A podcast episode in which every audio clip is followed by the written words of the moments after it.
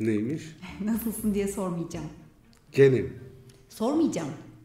Ha tamam. Gene mi diye direkt şaşırdın değil mi? Onun yerine ben şöyle bir şey düşündüm.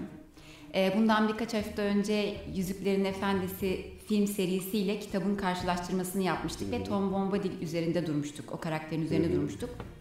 Ee, İtaki yayınlarından çıkan onun şiirlerinden oluşan bir kitap var. Evet. Daha sonra bir bölümde onunla ilgili yapacağımızı söylemiştik. Evet. Sana buradan bir şiir okuyacağım. Hazır mısın? Çok heyecanlandım bakıyorum. Evet. bayılırım İstersen şiir. müziğini de yapayım Zafer abi. Yok yani sade şiir alalım Tamam, sadece şiiri okuyorum. Başlıyorum. Şu bizim Tom Bombadil ne kadar tatlı dille. Ceketi parlak mavi, sarıdır çizmeleri. Ele geçmez asla çünkü Tom her şeyin efendisi. Şarkıları daha güçlü, daha hızlı ayakları. Alkışlamayacak mısın? Teşekkür ederim. Bence nasılsın demekten daha iyi bir giriş oldu bu. Her hafta aynı şeyi e, soruyorum, aynı cevabı alıyorum. Neyse, Zafer abi bu hafta Quenta Silmarillion 5. bölümü işliyoruz. E, bölümümüzün ismi Eldamara ve Eldaliye prenslerine dair. Bu bir göç hikayesi ama aynı zamanda da bir soy hikayesi. Evet. E, bölümün girişinde ilk başta coğrafya işleniyor ve bu göçü anlatıyor değil mi? Evet.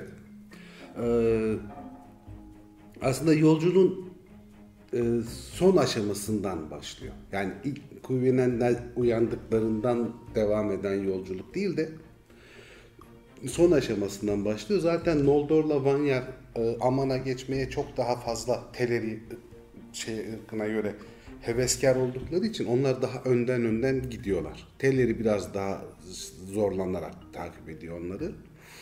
Ve onlar e, şeye geliyorlar artık. E, batı kıyılarına geliyorlar. Aslında e, haritayı hatırlayanlar ya da haritaya bakacak olanlar birinci çağ haritası da on, orada görürler.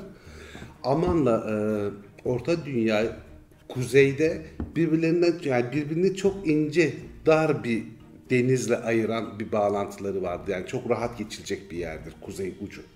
Yalnız e, Melkor'un buzun efendisi, soğuğun efendisi olan Melkor'un ayazlarıyla ora artık kullanılamayacak kadar soğuk bir hale geldiği için e, Balar koyuna doğru getiriyor onları Orome. Çünkü yukarıdan geçmeleri görünüş olarak çok daha kolay ama gıcırdayan buzdan geçmek birçok e, kayba sebep olabilir. O kadar tehlikeli bir yer orası. O yüzden oradan geçirmeyi göze alamıyor Orome. E, Vanyar ve Noldor soyunu e, Balar Körfezi'ne, Siryon'un e, Siryon Nehri'nin güzel topraklarına getiriyor. Çünkü oralar e, çok canlı topraklar, güzel e, havası düzgün, bitki örtüsü güzel. Yani e, tam olarak e, yaşanabilecek yerler. Zaten delta çok bereketli bir yer falan öyle düşünebilirsin. Balar koyuna geliyorlar ve e, şey e, yapılıyor. İlk kez büyük denizi, bölen denizi görüyor elfler. Ve e, çok büyük bir panik başlıyor. Çok korkuyorlar denizden. O kadar sonsuz bir suyu görmekten o ve suyun ötesini görememekten korkuya falan kapılıyorlar. Ama o sırada da Ulmo geliyor. Onlara e, kendi e, borusuyla, kendi sözleriyle denizin şarkısını anlatıyor. Denizin şarkısını alıştırıyor. Bu sefer de kalplerinde bir deniz tutkusu oluşmaya başlıyor. Bu sefer denize aşık olmaya başlıyorlar. Ee, Bunların Aman'a geçeceği belli olduğu için Ulmo gidiyor. Denizin ortasında büyük bir ada var. O adayı köklerinden kopartıyor. Yere bağlantılı olduğu yerlerinden kopartıyor. Ve e, yardımcılarıyla, Uniem ve Öse gibi yardımcılarıyla Balar koyuna yanaştırıyor. Dev bir gemi gibi Vanyar ve Noldor o adanın üstüne biniyorlar. Ve e, batıya doğru iteklenerek ada bir gemi misali götürülüyor. O sırada yalnız sol boynuzu diye tabir ediliyor kitapta. Muhtemelen e, ön tarafındaki bir çıkıntı suyun altındaki oradaki koy olduğu için daha sığ orası tabi. Takılıyor ve kırılıyor. Balar koyunun tam çıkışına doğru bir yerde. Orada bir ada, küçük bir ada gibi kalıyor. Oraya da zaten daha sonra da önemli bir ada olduğunu göreceğiz onun da. Balar Adası deniliyor. Balar Adası adı veriliyor. Batıya Vanyar ve Noldor'u e, adanın üstünde şey yapıyor, hmm, geçiriyor. Ama e, Teleri halkı Aman'a geç, e, geçmek için gönülsüzlerdi bahsetmiştim. Şimdi Noldor ve şeyin e, Vanyar ırkının geçtiğini duyunca bir şekilde içeri doğru haberler gelince bu sefer kendileri de heves ediyorlar. Bir kısmı Elve'yi, Nanelmont'ta kaybolan Elve'yi aramayan kısmı hevesle Balar koyuna doğru geliyor. Gidiyorlar ki ada uzaklaşmış, gitmiş. Ama bunlar gene de deniz kıyısına yerleşiyorlar. Denizden çekinseler de korksalar da diğer elfler gibi orada beklemeye başlıyorlar. O yanlarına geliyor. Ee, Ulmo'nun yardımcısı. Yani Mayer.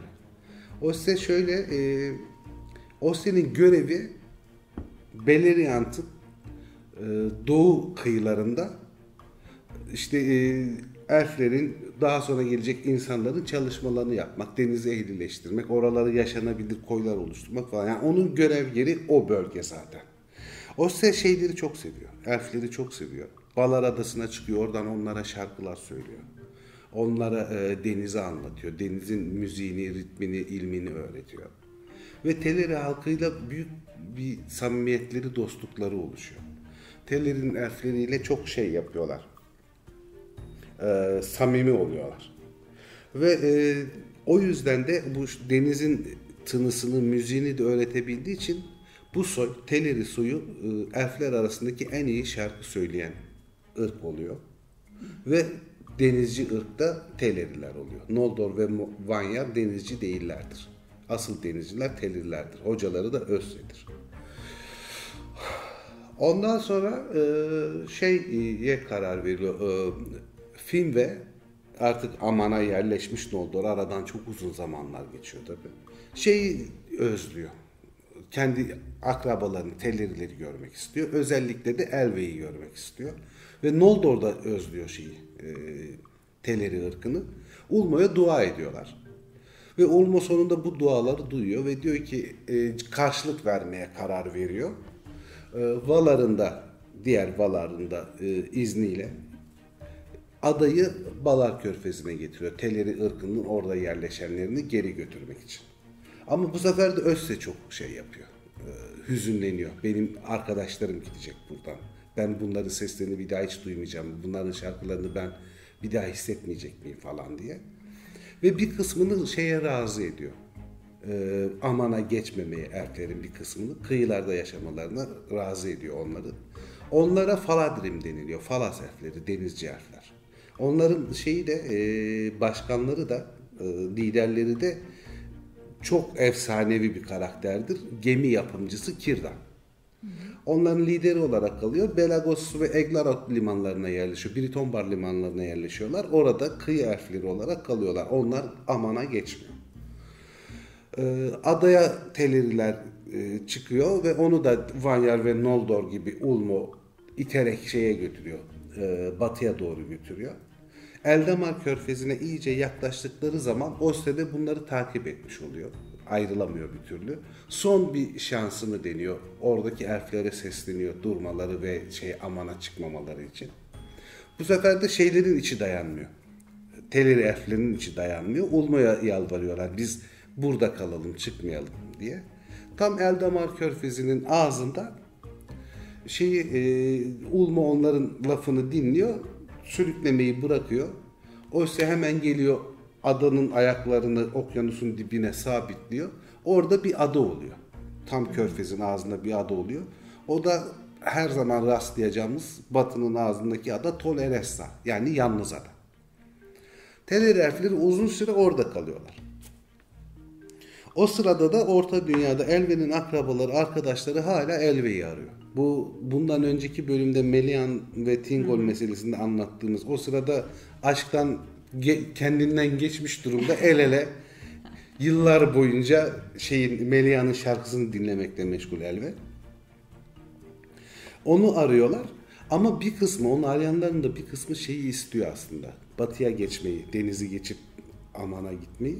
Ama Olve liderliğindeki Teleri'nin sadece çok az bir kısmı Faladim olarak kalıyor ve şeye geçtikleri için, batıya geçtikleri için kendilerine terk edilmiş halk diyorlar. Eg, Eglat adını veriyorlar. E, Elvi'yi arayan ve batıya geçmek isteyen bir kısım. Bu sefer denize gidip gidip o özleme de dayanamadıkları için orman tarafına geçiyorlar. Onlar daha sonra orman elflerini oluşturan kısım oluyor Eglat. Ormanlara geçiyorlar, kıyılardan uzaklaşıyorlar. Yani kıyı elfleri olmuyor Eglat. sonra Elva Nanalmont ormanından Melian'la beraber çıkıp gelince onu arayan akrabalar, bölgede kalanlar falan e, başına toplanıyorlar ve e, onu kral seçiyorlar yeniden ki zaten önceden de kraldı. Melian'la evleniyor. Doriath'ta kalıyorlar. E, Doriath bölgesinde kalıyorlar. Ve oranın efendisi oluyorlar. E, Melian'la beraber. Melian'la beraber oranın efendisi oluyorlar ve Beleriand'daki bütün elflerin, batıya gitmemiş bütün elflerin efendisi haline geliyor. Kralı haline geliyor. Geçen bölümde de geçen hafta anlatmıştık işte yani ama e, kendi görüntüsü biraz daha muhteşemleşmiş, gelişmiş bir halde. Melian gücünün bir kısmını verdiği için işte kır saçlar, bütün elfler arasındaki en uzun boya sahip olması, bir bilgeliğin gelmiş olması, bir öngörünün kazanılmış olmasıyla hakkıyla çok uzun süre bir krallık yapıyor yani çok şeydir. E, Tingol önemli bir e, figürdür şeyde. Beleriand coğrafyasında çok önemli bir figürdür. Ondan sonra şeye kızıyorlar o adanın sabitlenmesine. E, Tolerasa adasının Osya tarafından sabitlenip Teleri elflerinin aman kıyılarına çıkmamasına Valar bozuluyor. Çünkü bu Ulmo'nun tek başına verdiği bir karar. Valar'a danışmadan kendi inisiyatif olarak verdiği bir karar. Ama Ulmo da burada gene bir e, Valar'la inatlaşmak için değil de onların Össe'yle olan ilişkisini anlıyor ve acılarını hissediyor. O yüzden bu karar veriyor. Amana çıkartmadan orada adada kalmalarını sağlıyor. Hı hı. Buna en çok tabii Össe seviniyor. Yıllarca şeyde yaşıyorlar. E, Tolerasa adasında yaşıyorlar. Ve e, şeye karar veriyor Valar'da. Noldor geldi. Teleri çok yaklaştı. Vanyar'la beraber geldiler. Eldamar hikayesi buradan çıkıyor. Onların yaşayacağı yeri yapmaya karar veriyorlar. Noldor'da, Vanyar'da çok mutlu olmalarına rağmen aman topraklarında hala biraz e, ilk doğdukları yıldız ışığına bir özlemleri var. Hı hı. Ve denizi görmek, denizin sesini dinlemek istiyorlar. Pelori dağlarıyla, korunan dağlarla çevirdikleri için denizin sesi iç taraflara gelmiyor. Tam iki ağacın e, olduğu yerin karşısına Pelori dağlarında bir yarık açılıyor. Valalar tarafından. O şeyin dağların e, yarığın ortasına bir tane yeşil çok güzel bir tepe yapılıyor. Ona da Tuna Tepesi deniyor, deniliyor. O Tuna Tepesi'nin üstüne de elflerin şehri olan Tirion kuruluyor. Böylece oradan denizi, Tirion'un ötesine geçip denizi de dinleyebiliyorlar. Ve oraya Kalakirya deniliyor, ışık geçidi deniliyor. Çünkü ağaçların ışığı oradan direkt Toleressa adasının da doğu kıyılarına vuruyor. Ve o ışıklar çok yani bütün bu ışık muhabbetinden hep bahsediyoruz. Yavan'dan uykusunda, baharında da bahsetmiştik. Ee, adanın doğu tarafında ilk kez çiçekler açılmasına, yeşilliklerin coşmasına ve tabiatın güzelleşmesine sebep oluyor. Şeyler e, Teleri, Tölerasa'da kalan te, e, Teleri elfleri oradan ışıkla ağaçların ışığını iyi kötü gör, görebilirken e, Tuna'nın arkasına geçip hafif ağaçların ışığından kurtulan Noldor ve Vanyar soyu da gökyüzünde yıldızları görebiliyor. Yani Valar'ın yaptığı büyük güzellik bu. Masal gibi. Masal gibi. Ve şey Trion şehri de muhteşem bir şehir oluyor zaten. Tamamen beyaz mermer, mermerlerden yapılmış. Ee, mücevherlerle kaplı. Çok büyük bir e, kent, çok ihtişamlı bir kent. Ve orada şey var, e, Ingven'in kulesi var. Bütün şeydeki, Aman'daki en yüksek kule. Ve onun üstünde de bir şey ışık parıldıyor. Kitapta şey diye geçer o. Yani o kadar az ölümlü kişi o ışığı gördü ki diye. Ki kitapların tamamını okuduğumuzda göreceğiz hakikaten yani çok çok az kişi o Mindolian e, kulesindeki şeyin ışığını görebilir. Hı hı. Ee, şey de e, yapıyor Valar o kulenin adını da söyleyeyim ben hani şey Elfçe adını Konya adını Mindon elde Eldalieva kulesi. Ingve'nin kulesi manasına geliyor. Şeyi çok seviyor Noldor ve e, Vanyar. Ağaçlar var ya iki ağaç. Hı hı. İlk doğan ağaç Telperion ağacını, ak ağacı çok seviyorlar. Ve e, şeyde e, Trion'a yerleşince ağaçlardan uzak kalıyorlar. Yavanla onlara bir güzellik yapıyor ve o Telperion ağacının daha küçük bir modelini yaratıyor onlar için. O ağacı da Trion'un bahçelerine fideler halinde ekilip büyütülüyor çok sayıda. Hı hı. O ağaca da e, Galathilion ağacı deniliyor. Hı hı. Galat ışık demek zaten yani. Bu şey e, bu Galathilion ağacının hikayesi bütün Tolkien e, sürecinde zaten hep olacak. Çünkü onun bir tanesi de götürülüyor Tolerasya'ya hediye ediliyor bir fide. Orada büyüyor. Oradaki e, büyüyen ağaca Nimnot deniliyor. Ve bu e, pardon oradaki ağaca Nimnot denmiyor. O ağaçtan e, o ağaca Celeborn deniliyor. Celeborn'un bir fidesini Numenoronlara götürüyorlar ada varken. Hı hı. O adadaki ak ağaç Nimnot. Nimnot da kaçırılıp gene e, Akalebet'ten sonra Gondor'daki ak ağaç o ağacın bir uzantısı, soy devamı. Hı hı. Bu ak ağaç figürü sürekli var. Noldor da aşık oluyor, insan soyu da aşık oluyor. Nümenorlulardan geçişle Gondorlulara geliyor. Gondor'daki ak ağaç da bu ağacın yani Galatilion'un şeyi. Aynı zamanda Lorien ormanlarındaki Galadriel'in muhteşem ormanlarındaki ağaçların bir kısmı da Galatilion'un fidesinden yetiştirilme ağaçlar. Hı hı. Şeye e, geçiyor bundan sonra hikaye. Buraya kadar soracağım bir şey var mı? Hayır, Aslında gayet kitapta. güzel anlatıyorsun Zafer abi. Bundan sonra soylar meselesine geçiyor kitapta. Çünkü yani, hem bol göç hem soy olduğu için. Yani bu sefer e, şeye Eldaliye prensleri kısmına geçiyor hikayede Silmarillion kitabındaki. Buradaki de şey şu prensler dedikleri için e, şeyde bu bölümde kız çocukları Galadriel hariç bahsetmiyorlar. Ama aslında e, yani bahsedecek soylarda kadınlar da var tabi. Galadriel'den bahsetmek zorundalar. O çünkü çok baskın bir karakter şey için, Tolkien dünyası için. Galadriel çok farklı bir karakter yani. Onlar işte mesela ne ediyorduk? Vanyar'ın efendisi Ingve. Onun bir çocuğundan falan bahsedilmiyor burada. Bir çocuğu, eşi, şey yok. Burada bahsediyor. Ama Noldor'un efendisi olan Finve ilk eşi Serinde Miriel diye bir şey. Noldor kadını. Ondan zaten şey oluyor. Feanor doğuyor. Feanor ki işte Silmarillerin, Palantirlerin yaratıcısı. Efsane insan, efsane elf. Serinde Miriel Feanor'u doğururken öldüğü için ondan sonra daha doğrusu ölümü tercih ettiği için yaşam gücünün çok büyük bir kısmını kaybettiği için yıllar yıllar sonra bir Vanya olan Indis'e aşık oluyor filmde.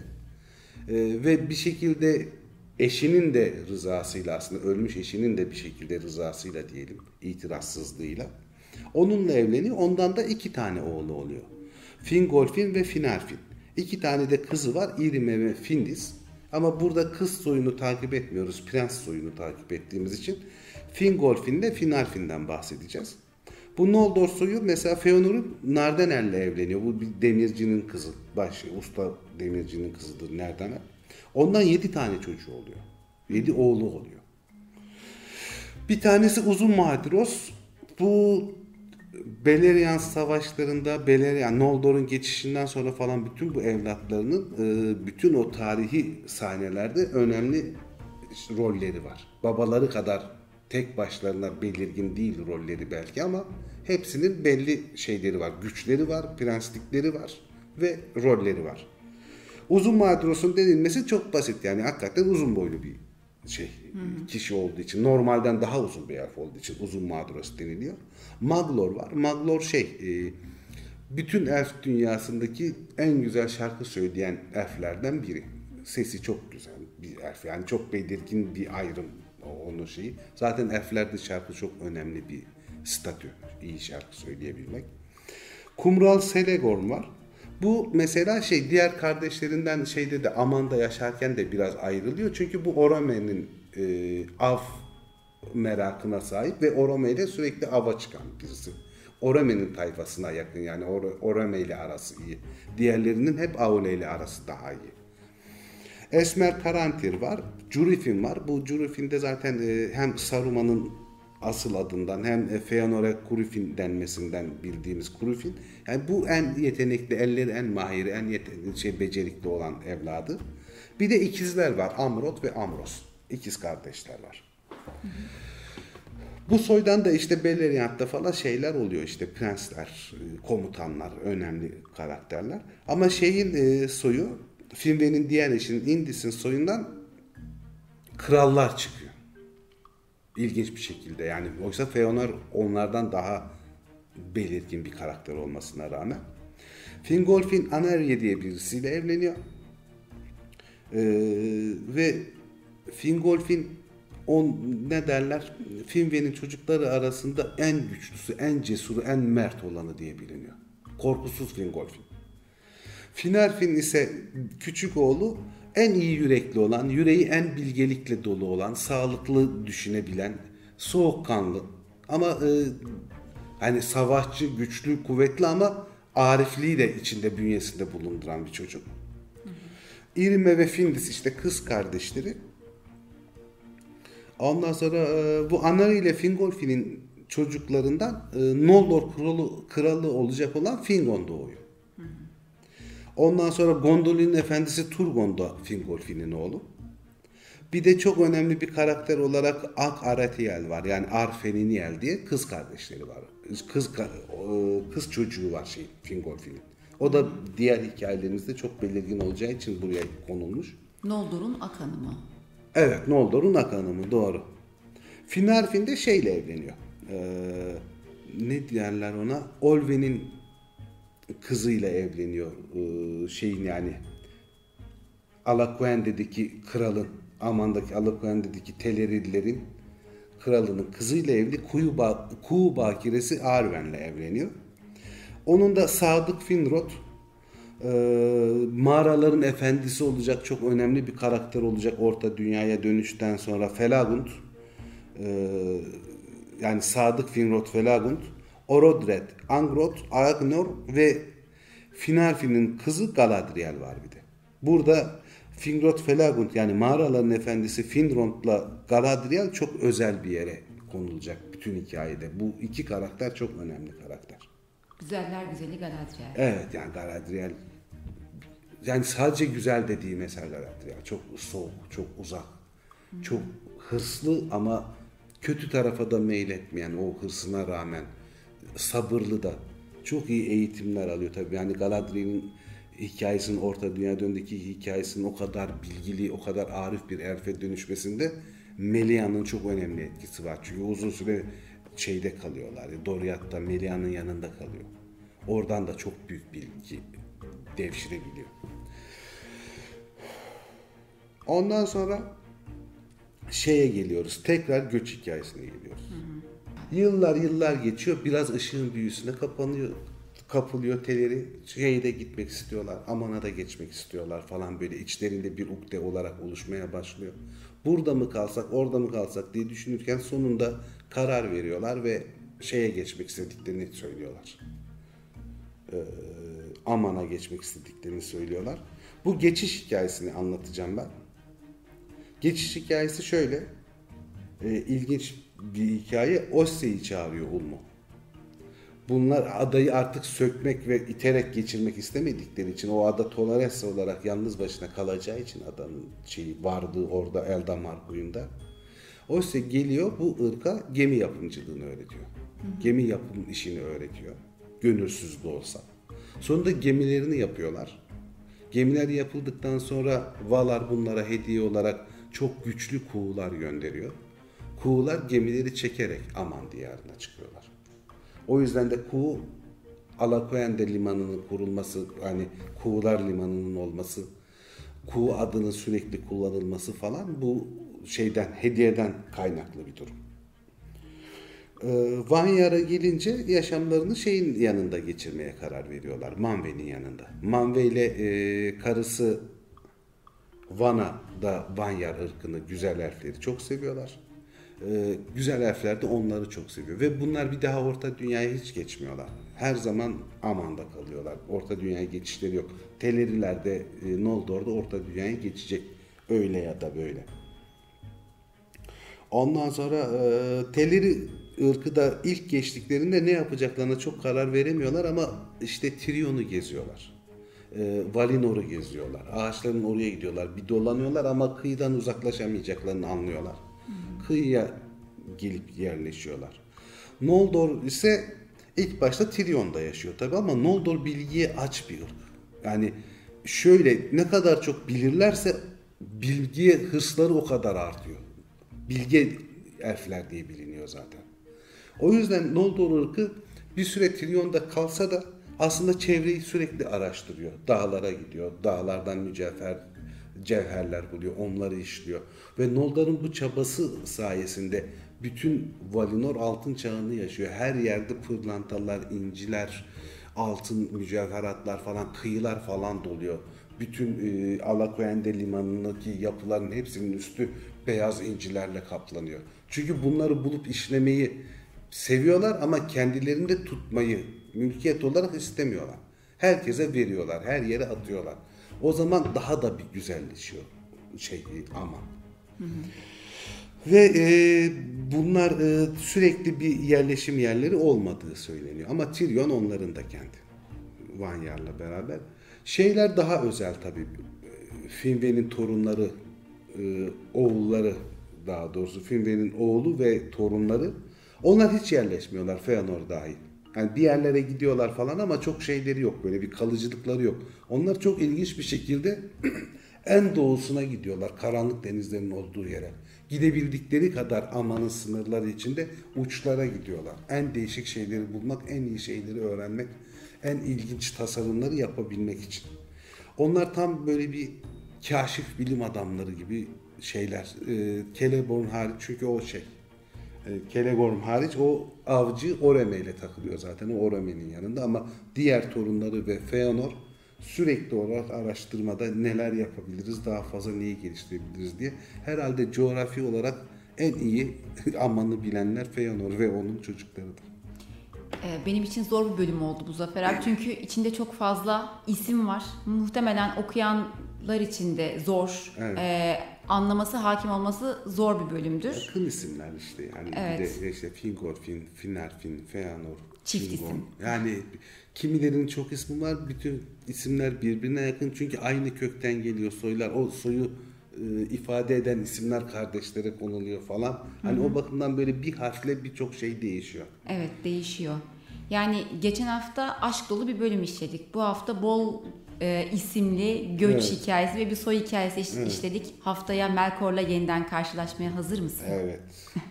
Tamam o zaman. Koçum haftaya ben. görüşürüz. haftaya görüşürüz. Son iki dakika bir şey ekleyeyim. Mesela şu gerçeklik var bir de onu hani meraklısı şey yapar. Ee, Önemli bir detay çok küçük geçse de. Ee, Aman diyarında Orta Dünya'da Melkor'un yarattığı ya da yarattığı değil de dönüştürdüğü yaptığı canavarsı yaratıklar haricindeki her canlı bulunmakta. Ama Aman'da olan kimi canlılar hiçbir zaman Orta Dünya'da olmuyorlar. Bu da Melkor'la karşılaşmadan önceki meraklısına önemli bir not oldu. Evet. Ekleyeceğim bir şey var mı Zafer abi? Yok haftaya görüşmek üzere diyelim. Tamam görüşürüz. Görüşürüz.